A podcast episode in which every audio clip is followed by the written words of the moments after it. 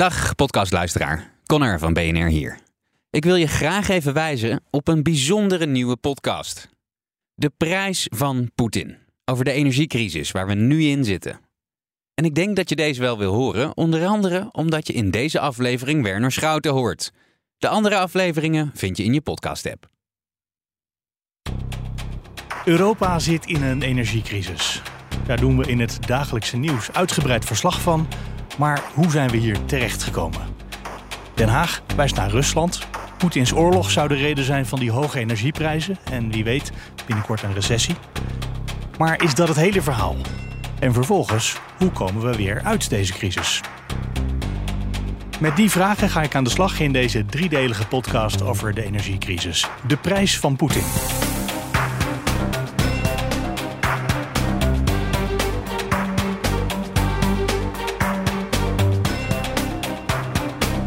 Mijn naam is Mark Beekhuis en bij mij zijn BNR's politiek verslaggever Sophie van Leeuwen en klimaatexpert en presentator van BNR Koplopers Werner Schouten. En in dit derde deel kijken we vooruit en dus naar innovaties en innovatiebeleid. Hoi Mark. Deze aflevering gaat over de iets langere termijn als we de komende jaren doorstaan hebben. Eerst even, Werner, misschien moet ik dat aan jou vragen. We hebben het over gas en gaan we van gas los in deze aflevering. Waar gebruiken we het eigenlijk voor? Gas wordt, als je nu kijkt naar hoe wij het gas gebruiken in Nederland, gas is eh, verantwoordelijk voor zo'n 44% van de totale energie die we in Nederland gebruiken. Dus gas wordt allereerst voor het grootste deel gebruikt voor uh, elektriciteitsproductie. We wilden natuurlijk snel van kolen af. Uh, we zijn daar een beetje agnostisch geweest. Hebben nog 2007 besluiten gemaakt om kolencentrales bij te bouwen. Toen dachten we van nou, in 2015, die moeten we toch eigenlijk niet hebben toen ze net operationeel werden. Dus toen zeiden we nou, dan moeten we inzetten op, op biomassa en gas. Nou, gascentrales zijn dus vrij groot. Eh, voor de, eh, dus we gebruiken veel gas voor elektriciteitsproductie. Daarnaast gaat zo'n kwart van ons gas ook naar de verwarming van de gebouwde omgeving. Huizen. Vastgoed, huizen inderdaad. Um, en er gaat nog heel veel gas naar de industrie. Dus van de kassen in het Westland tot uh, de raffinaderijen en de kunstmestproductie in Nederland. En als je het zo beschrijft, dan is dus de vraag: kunnen we van het gas af? Ook een hele ingewikkelde met heel veel verschillende antwoorden. Van op deze plek makkelijker dan op die plek. Er zijn buitengewoon veel knoppen waar je aan moet draaien, wil je inderdaad van het gas afkomen. Heeft uh, Sophie, heeft uh, Den Haag dat door? Dat je niet van het gas afgaat, maar dat de industrie van het gas af iets anders is dan thuis de verwarming of de verwarming van kantoren niet meer regelen of de grondstofgas uh, misschien niet meer gebruiken? Ja, dat hebben ze wel. En ze zeggen ook dat het misschien met de huishoudens nog wel langer gaat duren dan met de industrie. Want daar worden nu um, maatafspraken mee gemaakt. Die, die liggen er nog niet. Ik denk begin volgend jaar zou Mickey Adriaansens van Economische Zaken heel graag willen weten wat het tijdspad is en het plan van bijvoorbeeld Tata Steel. En daar ligt natuurlijk een heel groot fonds voor klaar van 35 miljard euro. Nou ja, in, in totaal natuurlijk. Dus dan zeg je als bedrijf, de komende decennia, de komende tien jaar, ga ik stoppen met gas of ga ik het verhalveren? En uh, mag ik dan voor mijn extra investeringen van u geld uit dat fonds? Dat is de, de plan voor deze winter. En verder hoor je heel erg in Den Haag op dit moment... we gaan de versnelling die we hadden ingezet, gaan we versnellen. Er komt binnenkort een brief en we gaan versnellen. Ja, en dan gaat het natuurlijk over alles. Het is zo complex. Het gaat ook over het stroomnet. Dat heeft Jette al gezegd. Dat moeten we gaan versnellen. En we moeten eh, iets doen met natuurlijk de vergunningen. Dat moeten we versnellen. Maar het gaat, en dat grijpt allemaal in elkaar. En het een kan niet zonder het ander. Intussen denk ik dat we nog heel lang aan de kolen gaan zitten en aan de biomassa. Veel langer dan we hadden gedacht. Ja, Wat denk jij? Werner? Ja, kijk, je gaat het niet overnight inderdaad uh, uh, oplossen. Kijk, als je de plannen van de EU moet geloven, dan zijn we eind 2022 voor twee derde minder afhankelijk van Russisch gas. En 2027 zijn we niet meer afhankelijk van Russische fossiele brandstoffen. Dus dat omvat ook de olie en de kolen. Um, als je kijkt naar Nederland, dan kunnen we vrij snel onafhankelijk worden van Russisch gas door het importeren van LNG en, en andere gas. Maar tegelijkertijd denk ik inderdaad, als je je kijkt naar de transitie in de gebouwde omgeving, in de industrie, dat gaat wel heel lang duren. En het Planbureau voor de Leefomgeving concludeerde ook al bij de presentatie van het regeerakkoord van ja, wat er aan ambities is opgeschreven. 60% uitstootreductie in 2030. En daar hoort natuurlijk ook heel veel uitfaseren van gas bij. Dat is echt op het randje van wat er mogelijk is en wat maakbaar is qua arbeiders die we hebben, qua wat de netbeheerders aan kunnen en wat de industrie kan doen. En, en Jette zegt eigenlijk van ja, we moeten meer dan dat gaan doen. En ja, ik, ik, ik kan dat heel goed voor me stellen, want die, die haast die is ontzettend gebaat. En wanneer je iets als crisis beschouwt, dan zijn in één keer ook heel veel meer dingen mogelijk. Wat, de... wat waar denken ze aan? Als we stoppen met gas uit Rusland, dat, dat gaan we dan over vijf jaar bereiken, kennelijk. Daarna willen we natuurlijk ook van het LNG af. En van kolen willen we ook af. Want kolenstroom is zo mogelijk nog vervuilender. Ook al hebben we de meest moderne kolencentrales in de hele wereld in Nederland staan. Ja, kijk, de eerste stap in de, in de trias energetica is natuurlijk altijd energiebesparing. En eerlijk gezegd is Nederland daar ook onder druk van de werkgeversorganisaties nooit zo streng in geweest. Zeker de, de, de zware industrie die al onder de, de CO2-rechten van de EU valt, het EU-ETS die is eigenlijk altijd ontzien. En die hoefde geen energiebesparingsplicht uh, te hebben. En die daar werd ook niet op gehandhaafd. En wat je nu... we hadden toch wel maatregelen dat als je een investering kan doen die je binnen vijf jaar terugverdient, dat je hem dan moet doen. Daar ja, maar dat, is, dat is voor de kleinere bedrijven. Oh, dat is niet zo groot industrie. De zware industrie, die zei, men zei van we willen één doel hebben, dat is CO2. Dan willen we niet nog eens op energiebesparing uh, uh, gaan sturen. Werd wel een convenant afgesproken met de industrie. Nou, hebben we de doelen uit dat convenant jammer genoeg niet gehaald. Het MEE-convenant. Um, maar nu zegt Jette, ja, ook de zware industrie gaat hieronder vallen. Um, en gaan we dus eigenlijk alle bedrijven, als je iets binnen vijf jaar kan uh, terugverdienen qua energiebesparingsmaatregelen, dan heb je een plicht om dat door te voeren. En Jette, en dat is een hele belangrijke tweede stap, investeert nu ook meerdere miljoenen in de omgevingsdiensten, zodat die daar ook op kunnen handhaven. Want dat is ook wat lange tijd ontbrak de urgentie bij Jette, je hebt het over het versnellen van het versnellen, Sofie net. En dit dus uh, het handhaven van regels die er al waren en ze nog wat uitbreiden. Is, is deze klimaatminister inderdaad eh, de klimaatdrammer die die ooit was? Wat ik hoor en wat ik zie ook aan, uh, aan die man, is dat hij het stiekem heel erg leuk vindt om juist nu aan die knoppen te zitten. Dus ja, de klimaatdrammer, dat was de geuzennaam die hij ooit kreeg van de VVD. Maar ja, hij, hij moet dus een begin maken van een historische transitie. En dat is ja, iets wat hij zelf heel erg graag wil. En hij wil daar dus hè, zijn handtekening voor de geschiedenis onder zetten. Of maar je gaat wel de VVD op de achtergrond, want die zit natuurlijk wel in de coalitie. Uh, dus die moeten ook mee dan. Uh, die moeten ook een beetje klimaatdrammer worden. Ja, Lukt ze dat? De, de nieuwe VVD, ga, eh, dat is nu met onder andere Silvio Erkens in de Tweede Kamer als woordvoerder. Die, en ook Rutte op, het, op internationale podia speelt een soort van klimaatpauze inmiddels. Dus de maar VVD in Nederland vergeet is wel hij dat om. altijd even. Dus, dus daar is natuurlijk een regeerakkoord en, en iedereen in de coalitie is daar, is daar wel in mee. Maar ik denk wel, kijk, Jette zit er nog maar. Want over 2,5 jaar is het alweer verkiezingen. Hè? Dus uh, hij mag alleen maar het begin maken van deze transitie. Maar hij gaat hem zeker niet afmaken. Maar hij moet hem alleen maar in de stijger zetten. Want ja, over drie jaar hebben we nog geen heel Nederland op waterstof. Nee, nee nou, nou zeg je trouwens de VVD is wel interessant duurzame energie is op dit moment natuurlijk gewoon ook vrijheidsenergie. Dat geeft ook, maakt ook gewoon business sense en ook geopolitiek om juist daar dubbel en dwars op in te zetten. En eerlijk gezegd zitten we nu juist op de blaren van de vertraging die we eerder hebben gezien. Hè? Mark Rutte, eh, gevleugelde uitspraak, windmolens draaien op subsidie. Uh, dat zei hij volgens mij uh, in aanloop naar misschien kabinet Rutte 1 volgens mij. nou, daar komen we nu wel fors op terug. Ten meer ook omdat we nu subsidievrije windmolenparken op de Noordzee weten te plaatsen. Ehm, maar ik denk juist dat daardoor de, de VVD ook wel is gekanteld. En ik moet eerlijk zeggen dat we eigenlijk al heel lang bezig zijn met deze transitie. Uh, laatste kabinet Balkenende was een heel programma, dat heette Schoon en Zuinig.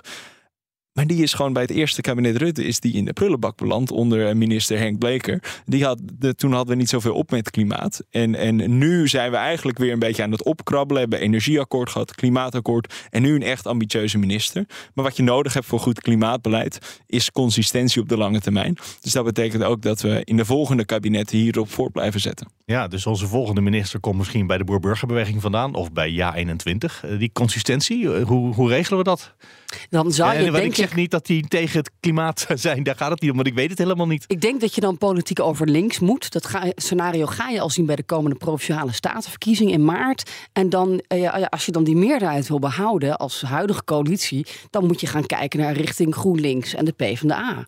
Uh, anders ga je het niet redden. Maar dan zeg je, het maakt niet uit wat de mensen gaan stemmen. We hebben gewoon een regering nodig over links, want anders is het beleid niet consistent. Nou ja, ik denk niet dat je. Dat is ingewikkeld. Dat je met dit, dit beleid, ja, dat dat met bepaalde partijen als Ja21 of BBB, dat je daar dan gaat komen. Nee, nee, nee, die, die zullen, die, zeker ja 21 is, is uh, duidelijk klimaatskeptisch. Um, en uh, alles wat daar rechts van zit, zeker ook. Uh, dus dat maakt het buitengewoon lastig om daarmee dan eigenlijk dit klimaatbeleid door te voeren. Terwijl het, als je kijkt, elke economische analyse wijst dat ook uit. Wij hebben zelf geen gas meer, geen fossiele brandstoffen meer. Groningen gaan we niet opentrekken. Um, en dan maakt het gewoon economisch. Het levert ons veel meer op als we sneller die transitie doormaken. En daar eigenlijk de nieuwe parels van de nieuwe Nederlandse economie van maken. Dan dat we vast blijven houden aan de industrie die we nu hebben opgebouwd. Met het goedkope Groningse gas. En daarna met het uh, goedkope Russische gas. Ik, ik, denk dat dan Rutte nog liever misschien gaat regeren. dan ook nog met de Partij voor de Dieren erbij. Want als je die dan ook nog nodig hebt voor die meerderheid. dan kun je in ieder geval een beetje die kant op. Zeker. Maar dat zou wel echt heel bizar zijn. slagzin: uh, doe je het niet voor milieu, doe het dan voor jezelf, voor je portemonnee. Ja. Dat lijkt een argument wat bij uh, de Boerburgerbeweging of ja 21 of wel die partijen die misschien wat sceptischer zijn, uh, wel aan zou moeten komen. Maar die hoor ik daar toch ook niet over. Nee, precies. Ik denk dat dat klimaat heel snel daar in een, een bepaalde ideologische hoek wordt geplaatst. In plaats van dat, het, dat er echt gewoon uh, uh, over na wordt gedacht van hè, wat is uiteindelijk wat is goed voor ondernemers in Nederland en wat is goed voor de huishoudens. Maar dat verhaal wordt niet verteld. Ik begrijp dat Poetin inmiddels ook uh, groot inzet op waterstof. Is het heus? Of niet? Ja, die, ja, in ieder geval in Rusland zijn, zijn, zijn ze daar natuurlijk ook gewoon mee bezig. Daar zijn ze inderdaad mee bezig. Ik denk volgens mij er zijn heel veel plannen. En dat is altijd, als je kijkt naar, er zijn heel veel plannen, ook voor in Nederland, uh, electrolyzers om op waterstof uh, te maken. En dat naar de, industrie te vervoeren. Daar wacht Investeringsbeslissing inderdaad, dat is nog altijd afwachten. En daar zijn er nog maar een, een klein aantal van gemaakt in Nederland. Het gaat allemaal nog niet zo snel. Dus misschien maken we ons toch weer afhankelijk van andere landen. Nu al met LNG, maar straks misschien toch ook weer als het gaat om waterstof. Wat zouden we moeten doen om die afhankelijkheid tot een minimum te beperken? Om het maar heel praktisch te maken, wat voor installaties moeten we dan in het land neerzetten?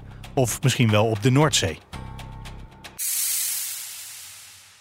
Nou, allereerst als je zegt van we willen dat gasgebruik in de elektriciteitssector reduceren, moet je gigantisch opschalen met, met wind en zon. Nou, gaat, nu staat er een paar gigawatt aan eh, vermogen van windmolens op de Noordzee. Dat gaat naar 21 in 2030 en naar 70 in 2050. Dat is een gigantische sprong. Dus de, daar ben ik zeer over te spreken. En dat is wat je op elektriciteitsvlak uh, moet doen. Ik denk als je kijkt naar de gebouwde omgeving, um, moet je eigenlijk razendsnel gaan uh, verduurzamen. En dat betekent razendsnel gaan isoleren. We zagen het recentelijk nog in het nieuws. Heel veel gebouwen hebben simpelweg nog niet eens energielabel C. En dat is 40% van het zakelijk vastgoed bijvoorbeeld, heeft een energielabel dat lager is dan energielabel C. En dat betekent dat je gebouw zo lekker als een mandje is. Dus daar is nog heel veel te winnen. Uh, en er dat zijn ook niet als heel high-tech. Daar hoeven we niks. Daar hoeven we niet voor te innoveren. Het is niet dat zo, we gewoon gaan doen. Nee, het is niet zo dat we nieuwe technologieën nodig hebben. Heel veel bestaat al. Waar je wel technologie, eh, technologische ontwikkeling op ziet ontstaan, is dat we in één keer veel meer inzetten op warmtepompen. En de, de denken van, oh, dat kost zoveel en dat is een gigantische ingreep in ons huis. We zien dat die steeds beter worden, steeds goedkoper worden.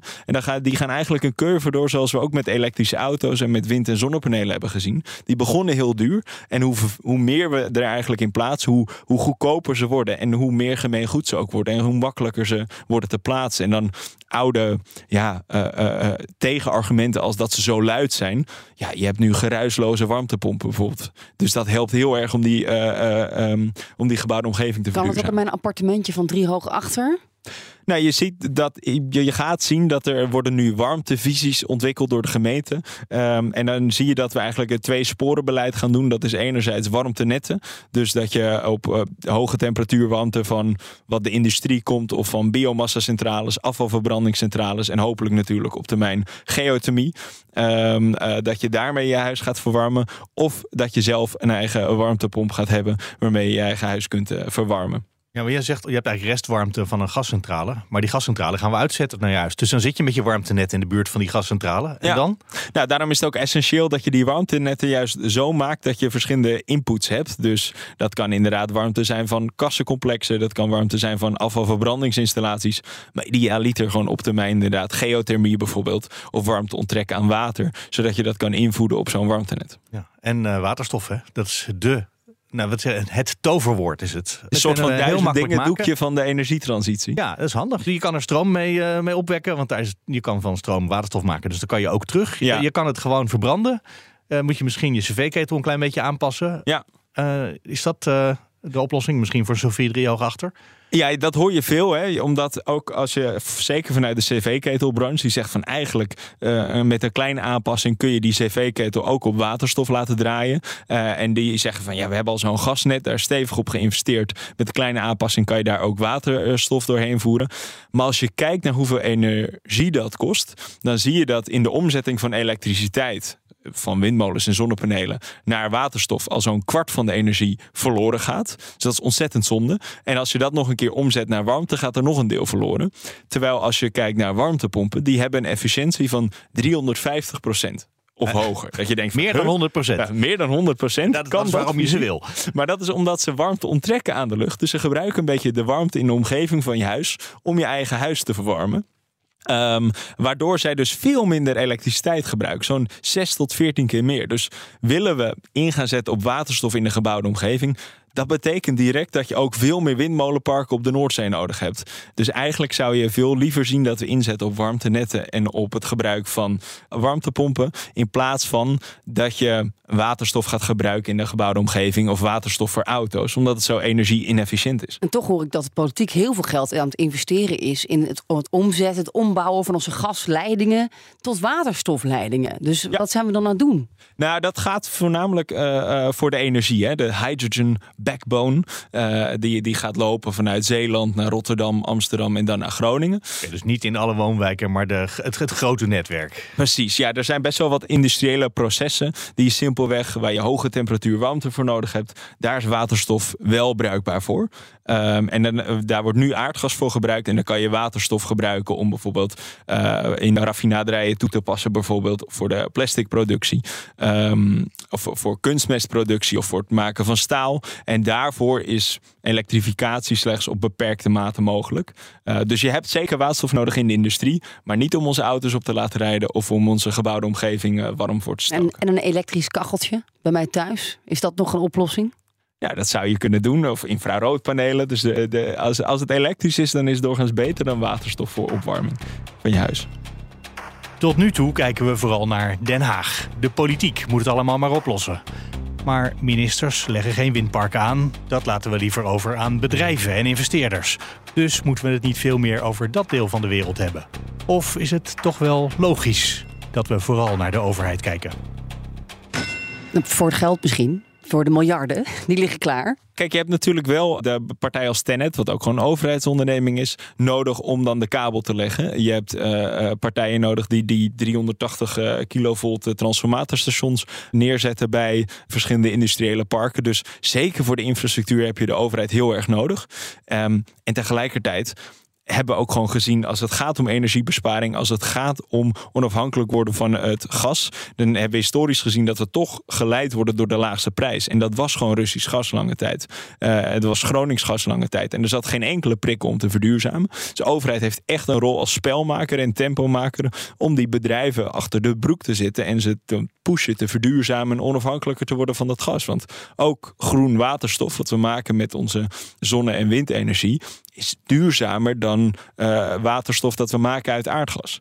Dus op dat vlak moeten daar echt wel regelingen worden getroffen, zodat bedrijven gedwongen worden via normeringen, eh, via beprijzingen, om uiteindelijk over te stappen op die alternatieven voor gas. Ja, een verbod op Russisch gas, wat er misschien aan zit te komen uiteindelijk. En anders gaan we er toch in 2027 vanaf. Het- Via andere methoden. Ja.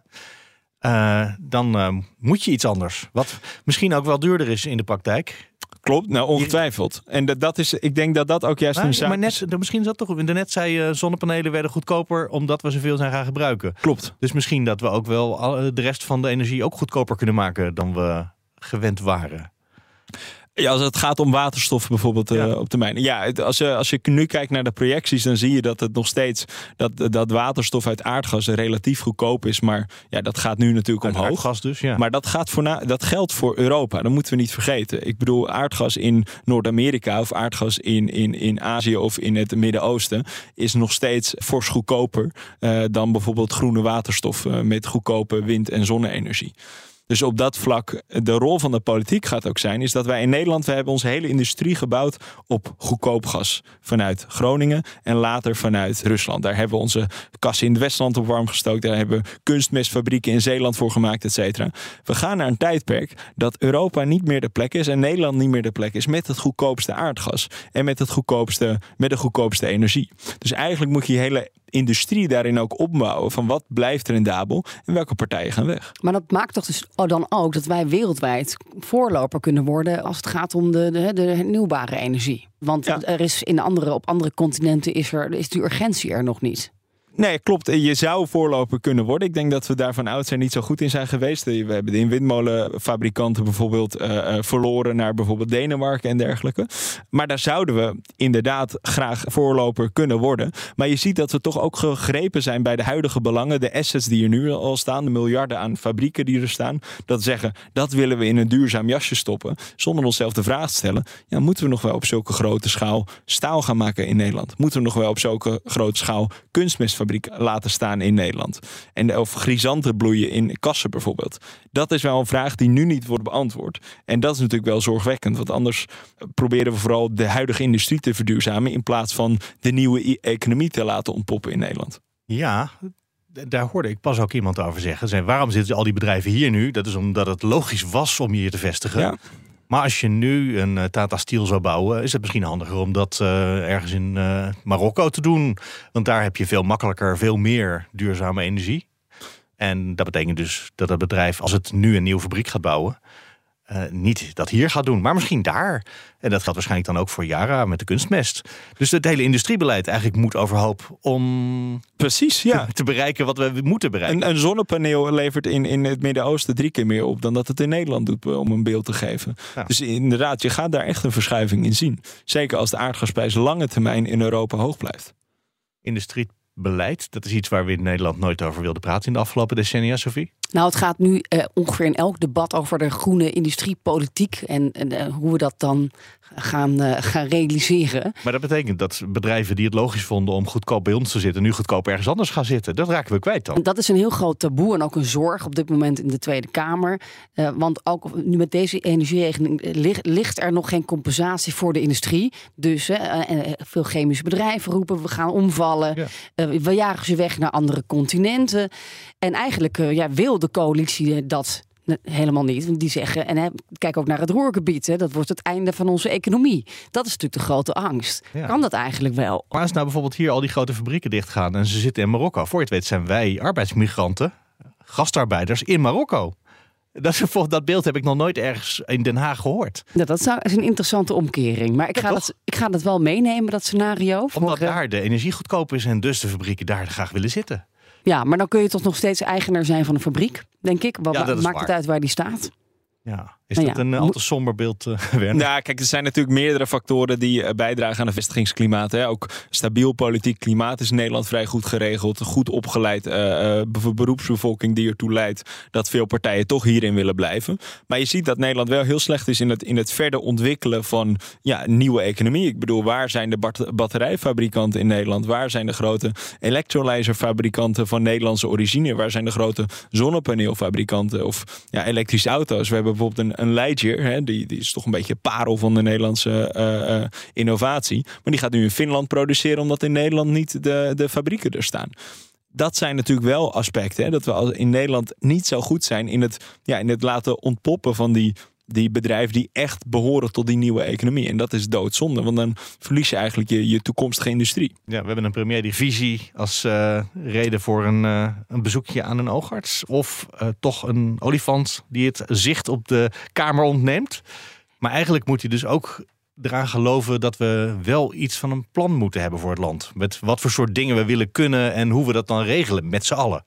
Ja, exact. Je ziet nu dat we wel tot 2030 kijken van wat voor windmolens, et cetera, waar we willen plaatsen. Maar hoe we naar een netto nul uitstoot in 2050 komen, dat weet nog niemand in Den Haag. Eh, en terwijl als je kijkt naar bijvoorbeeld een land als Engeland, die hebben een climate change, uh, committee on climate change. Die zeggen nu, die komen met allemaal rapportages. Die zeggen van oké, als je in uh, 2035 zoveel uitstoot uh, wil hebben of zoveel uitstootreductie wil hebben, dan moet je voor 2023 keuzes A, B en C gaan maken. Nou, dat is een detailniveau waar we in Nederland nog niet aan kunnen tippen. Ik zal het doorgeven aan minister Jette en Adriaan en Mark Rutte. Ja, ik ben benieuwd wat ze reageren. Hij heeft nu in ieder geval Jette in dienst. Ja, dat is waar. Die, uh, die ziet het net een beetje anders. Hij heeft een klimaatdrammer in dienst genomen. Dus uh, wie weet uh, komt er nog een visie op hoe wij dit gaan overleven met z'n allen. Komen wij hier goed doorheen, Werner? Om het maar even af te ronden. Want we hebben natuurlijk voor de komende jaren, hebben we het voor in de vorige aflevering over gehad. dat is spannend. Stevenen we de, de goede kant uit?